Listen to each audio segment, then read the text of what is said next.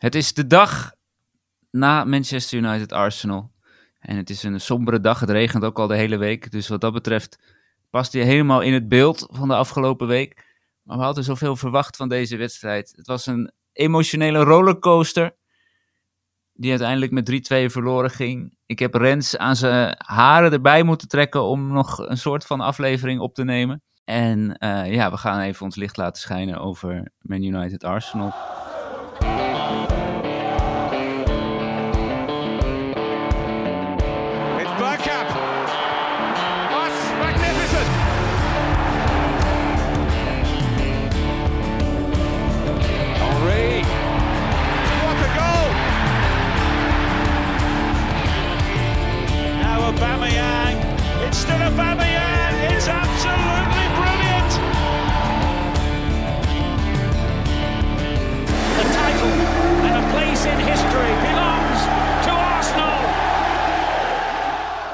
Rens, wat is je eerste gedachte over deze wedstrijd? Super, super zonde. Echt ongelooflijk kloten. Zonde, daar begrijp ik uit, uh, daar had meer in gezeten. Er had zoveel meer in gezeten. En ja, ik heb zo'n slap United gezien. Ik heb de hele tijd het gevoel gehad dat zij totaal niet in de wedstrijd zaten. Dat als wij na die 1-0 gewoon hadden doorgedrukt, dat we 2-3-0 hadden kunnen maken.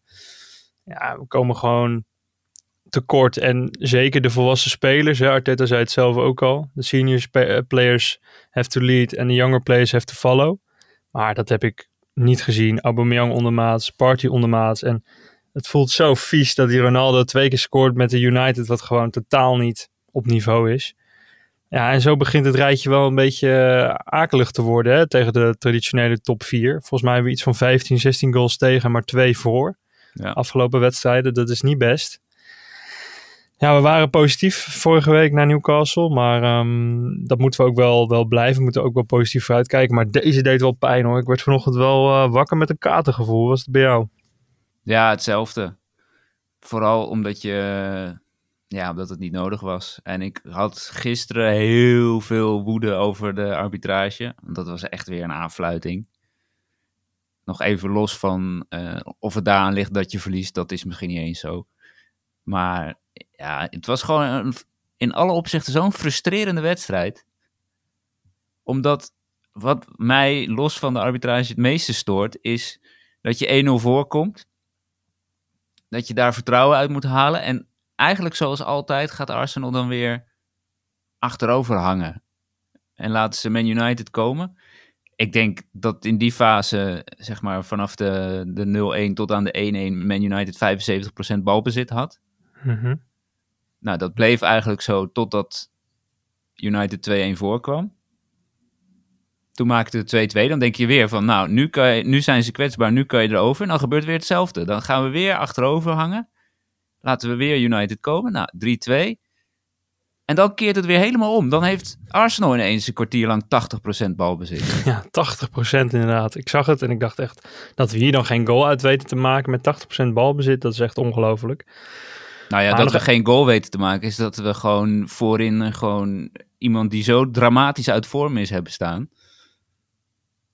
In de persoon van Aubameyang. Maar goed, dat hoef ik er waarschijnlijk niet eens bij te zeggen. Nee, het is nu ook wel voorlopig even klaar. En ik neem aan dat Arteta ballen toont en hem ook echt volledig bankt. En nou ja, Party vond ik ook zwaar ondermaats. Maar laten we nog even teruggaan naar de opstelling, want Mootje begon natuurlijk. Ja. En toen dacht ik, waar, waar beginnen we aan? Maar ja, nou, was misschien wel een van de beste. Ja, na 20 minuten was wel duidelijk dat hij er beter in zat dan Party. En ja, gewoon goede basis naar voren ook gaf. In plaats van altijd maar terug en naar de zijkant. Speelde volwassen.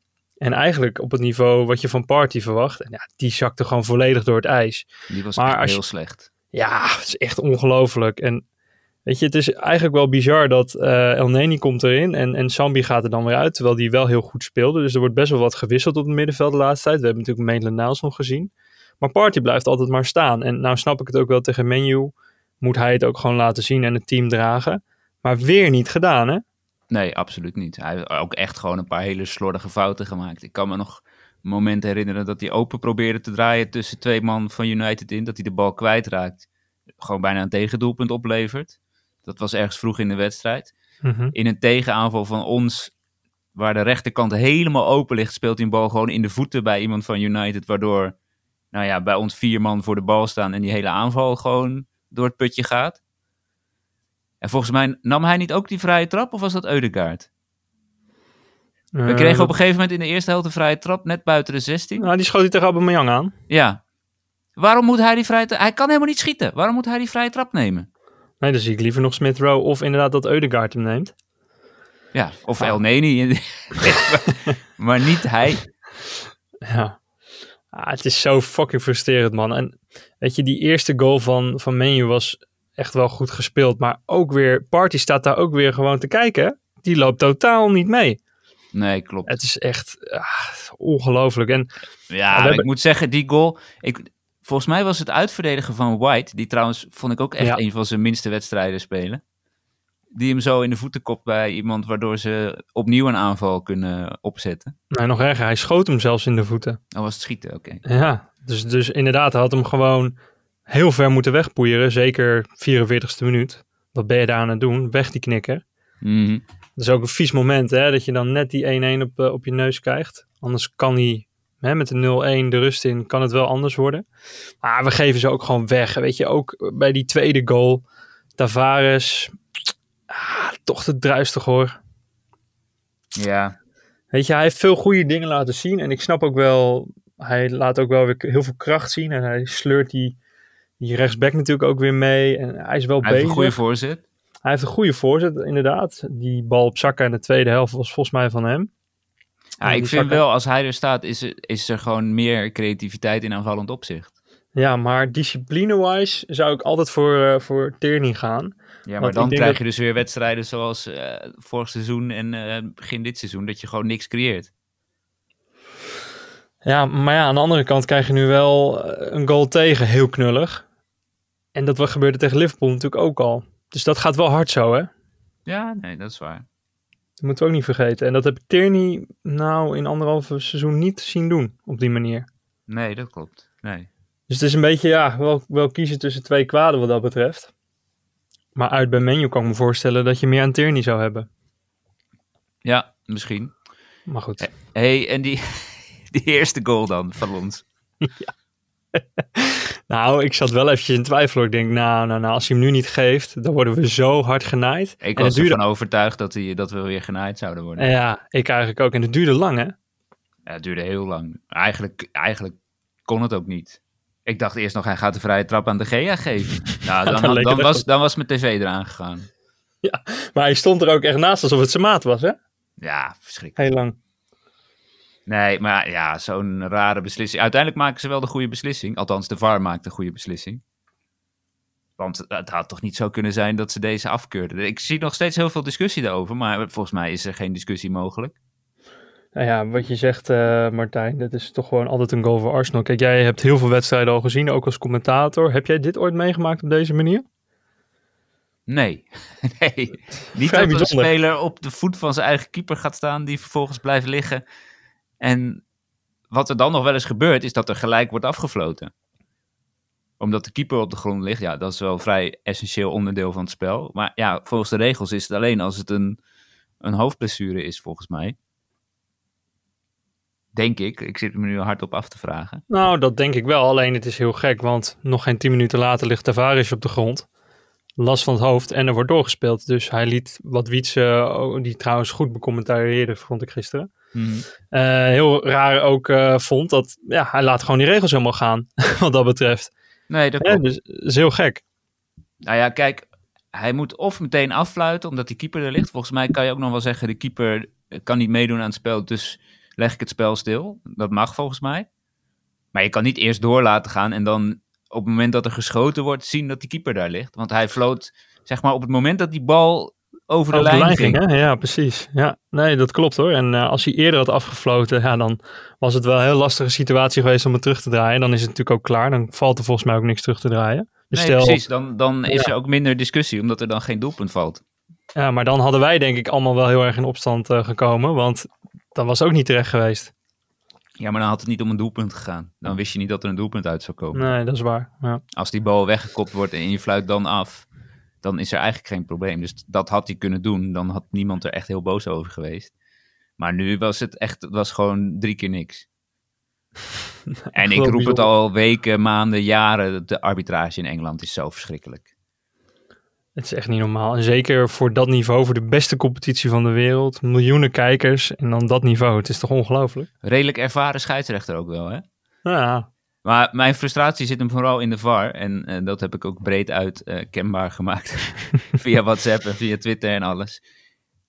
Arsenal moet gewoon een penalty krijgen bij 1-0 voor. Want Tomiyasu wordt gewoon aan zijn arm getrokken door Maguire. 100%. En niet een beetje ook. Hij wordt gewoon vastgepakt. Gewoon Mhm. naar achteren getrokken. Ja, precies. Naar beneden gesleurd En letterlijk. de VAR kijkt er gewoon niet naar. Of heeft er naar gekeken, maar... Ja, als je er naar kijkt, dan zie je toch dat het een penalty is. Ja, maar je ziet Maar niet er, wordt eens... gewoon- er, wordt gewoon, ge- er wordt niks tegen scheidsrechter gezegd, niks. Nee, maar je ziet niet eens een moment van review, hè? Nee, nou ja, kijk, dat je het niet ziet, weet, betekent niet dat het er niet geweest is. Nee, maar ik bedoel meer van de video. eh, de VAR heeft er ook letterlijk echt niet naar gekeken. Er is geen moment geweest dat het spel eventjes stil eh, geweest is. Gewoon doorgaan. Ja, Ja. bizar. Misschien zaten ze even aan de thee. Ja, helaas hadden ze dat in de tweede helft niet. Maar, ehm, en nog even terug naar die goal van Smith Rowe. Hij schiet hem wel heel netjes binnen met zijn links. Ook al staat er natuurlijk geen keeper in de goal. Ja, is wel makkelijk met een leeg doel. ja, dat wel. Maar met zijn links nog best hard eh, ingeschoten. Ja, dat was keurig ingeschoten. Toen had ik wel even zo'n moment van... "Wow, dit gaan we regelen gewoon. Dit gaan we fixen. Ja, dat dacht Arsenal ook. En die dachten, nou, nu hoeven we niks meer te doen. Dus laat United maar komen. Ja. En eigenlijk, kijk, zij krijgen dan een mentale tik van dat dat doelpunt telt. Je ziet ze zoeken. Mhm. In plaats van dat je nou gewoon vol erop gaat. En gaat proberen die tweede te maken. Om ze helemaal eh, van het padje te krijgen. Geef je ze nu alle ruimte, alle tijd om in die wedstrijd te komen. Ja, Henri zei in de studio dat Arteta vaak de underdog-positie kiest. Ja, en die was wel heel veel over Arteta. En die is natuurlijk ook gewoon klaar mee dat hij Arsenal eh, steeds tegen de traditionele top 4 zo zwak ziet spelen en verliezen. Ja, maar ik was Maar- het niet, niet heel erg eens met Henry eh, gisteren. Die zei ook dat die wissel van Aubameyang eh heel raar was. Dat hij, dat hij hem niet mocht wisselen. Denk ik, ja. Ja. Als er nou één iemand rijp is voor een wissel. Sowieso. Ja, misschien omdat hij nummer 14 draagt, dat hij denkt van die is heilig. Maar dat is Nou. bullshit. Aubameyang moest er echt af. Maar ja, wel gek hoor. Dat team ja, pakt dan ook een soort van underdog positie van... Oh, nou, nu moeten we maar verdedigen. Want deze 1-0 of 0-1 is toch wel heel bijzonder. Dat gevoel krijg je er bijna van. Hè? Dat zenuwen toenemen. Dat het bijna bijzonder is dat we 0-1 voor staan. En dan een beetje staan bibberen en 80% balbezit aan de tegenstander geven. Ja, terwijl, kijk, als je dat nou tegen Liverpool uit en Man City uit hebt, dan snap ik het ergens nog wel. Maar tegen dit United ah, was dat gewoon niet nodig.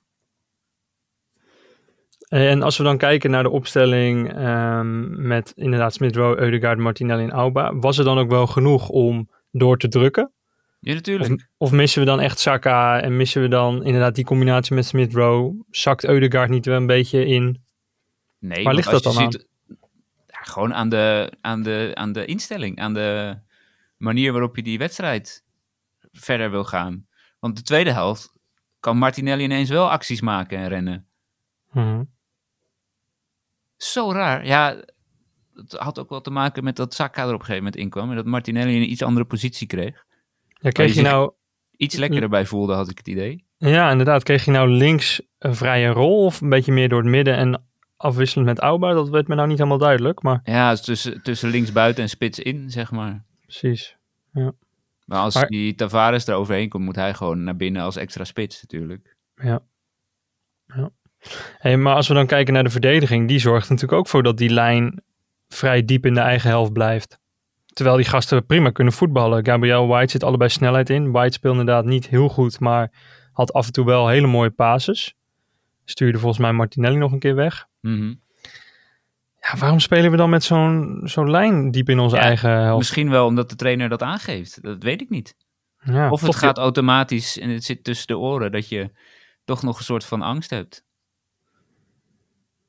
Ja, en onervarenheid, hè? Deels ook. Maar ja, weet je, je moet ook een spits hebben die druk zet. En die heb je niet. Want Oba is, die, die redt dat niet. Is het verkeerd druk. Je ziet Auba wel heel veel doen. Eh, Of tenminste, hij probeert heel veel te doen. Je ziet hem ook wel veel bewegen, maar het is niet echt effectief. Nee, het is totaal niet effectief. Net als eh, het afmaken van de kansen. Echt twee ballen, jongen, in die tweede helft. Zo dramatisch ingeschoten. Ja, en, dan, en dan nog het ergste. Want iemand die ineens wel eh, zich de pleuris liep, dat heb ik hem ook al het hele seizoen niet zien doen, dat is Cristiano. Mhm. Die post dan iets op Instagram met 3,5 miljoen likes. En wie is daar één van? Onze captain. Ja, dit is, is- dat is toch onvoorstelbaar. Het kan toch niet? Nee. Nee, daar word ik ook heel de- depressief van. Wat een mafkeesje. Waarom zou je dat doen? Ja, in ieder geval niet ah, tegen jouw ploeg dat je net verloren hebt op zo'n manier met 3-2.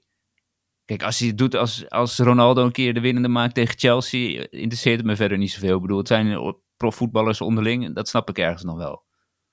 Maar misschien moet je nu even niet op dat hartje drukken.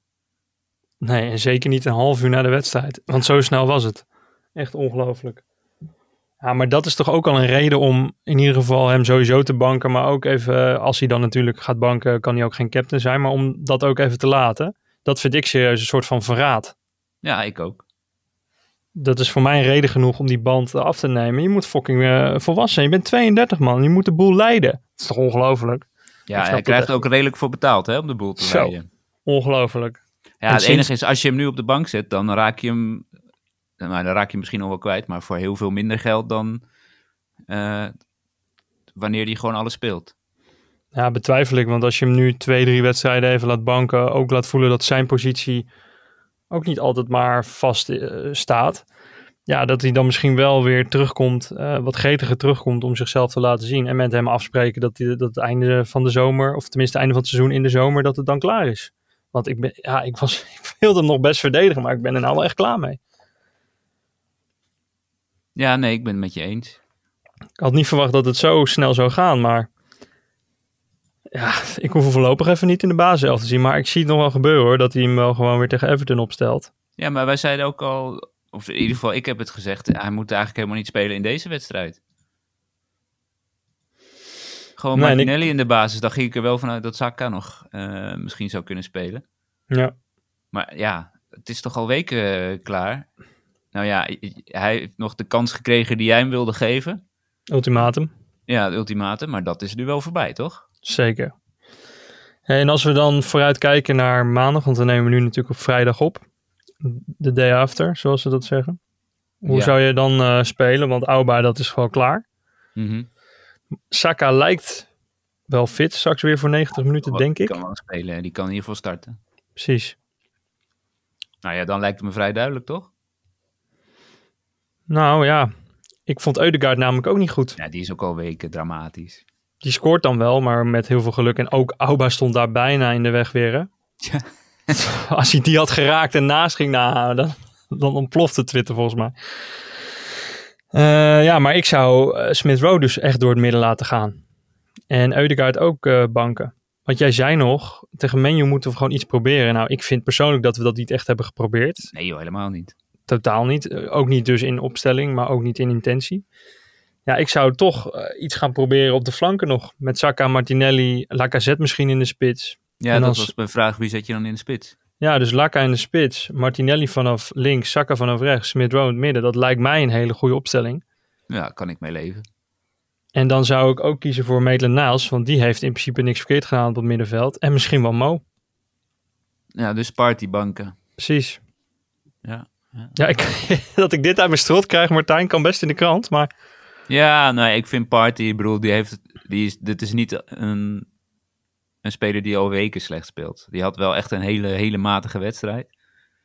Maar ik weet niet of je hem er gelijk naast moet zetten. Hij is wel, qua werklust is hij wel echt, en loopvermogen is hij wel echt een beest. Nou, hij mag eerst wel eventjes nieuwe schoenen kopen, want hij gleed de hele tijd uit gisteren. Dat zag er ook niet uit. Doe nou eens normaal, man. Doe nou eens normaal.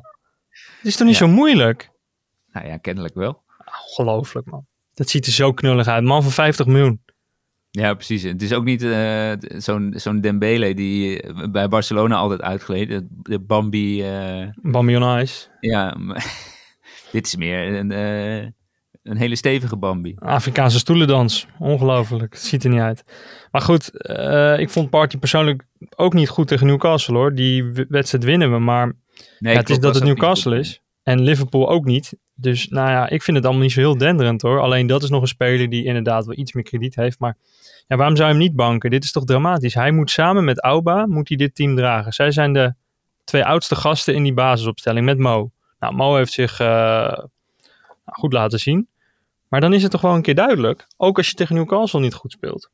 Ja, oké. Maar je zou ook nog Sambi kunnen laten spelen, hè? Sambi en Naas kan ook nog. Hebben we al eerder gedaan volgens mij. Ja, precies. Oké, nou ja, dat, eh, dat bespreken we sowieso na Everton, hoe, hoe dat is gegaan. Ehm, ik wil toch een klein positief nootje zo aan het einde van Man United Arsenal. Eh, we hebben Liverpool, Man City en Man United uitgehad. En we staan net buiten de top 4. Ja, puntje achter West Ham. Die spelen volgens mij over twee weken. Woensdag 15 december natuurlijk, ja. Ja, daar, Dus, ga- daar, daar hebben wij eh, mensen zitten. Hè? Dus dat gaat helemaal goed komen.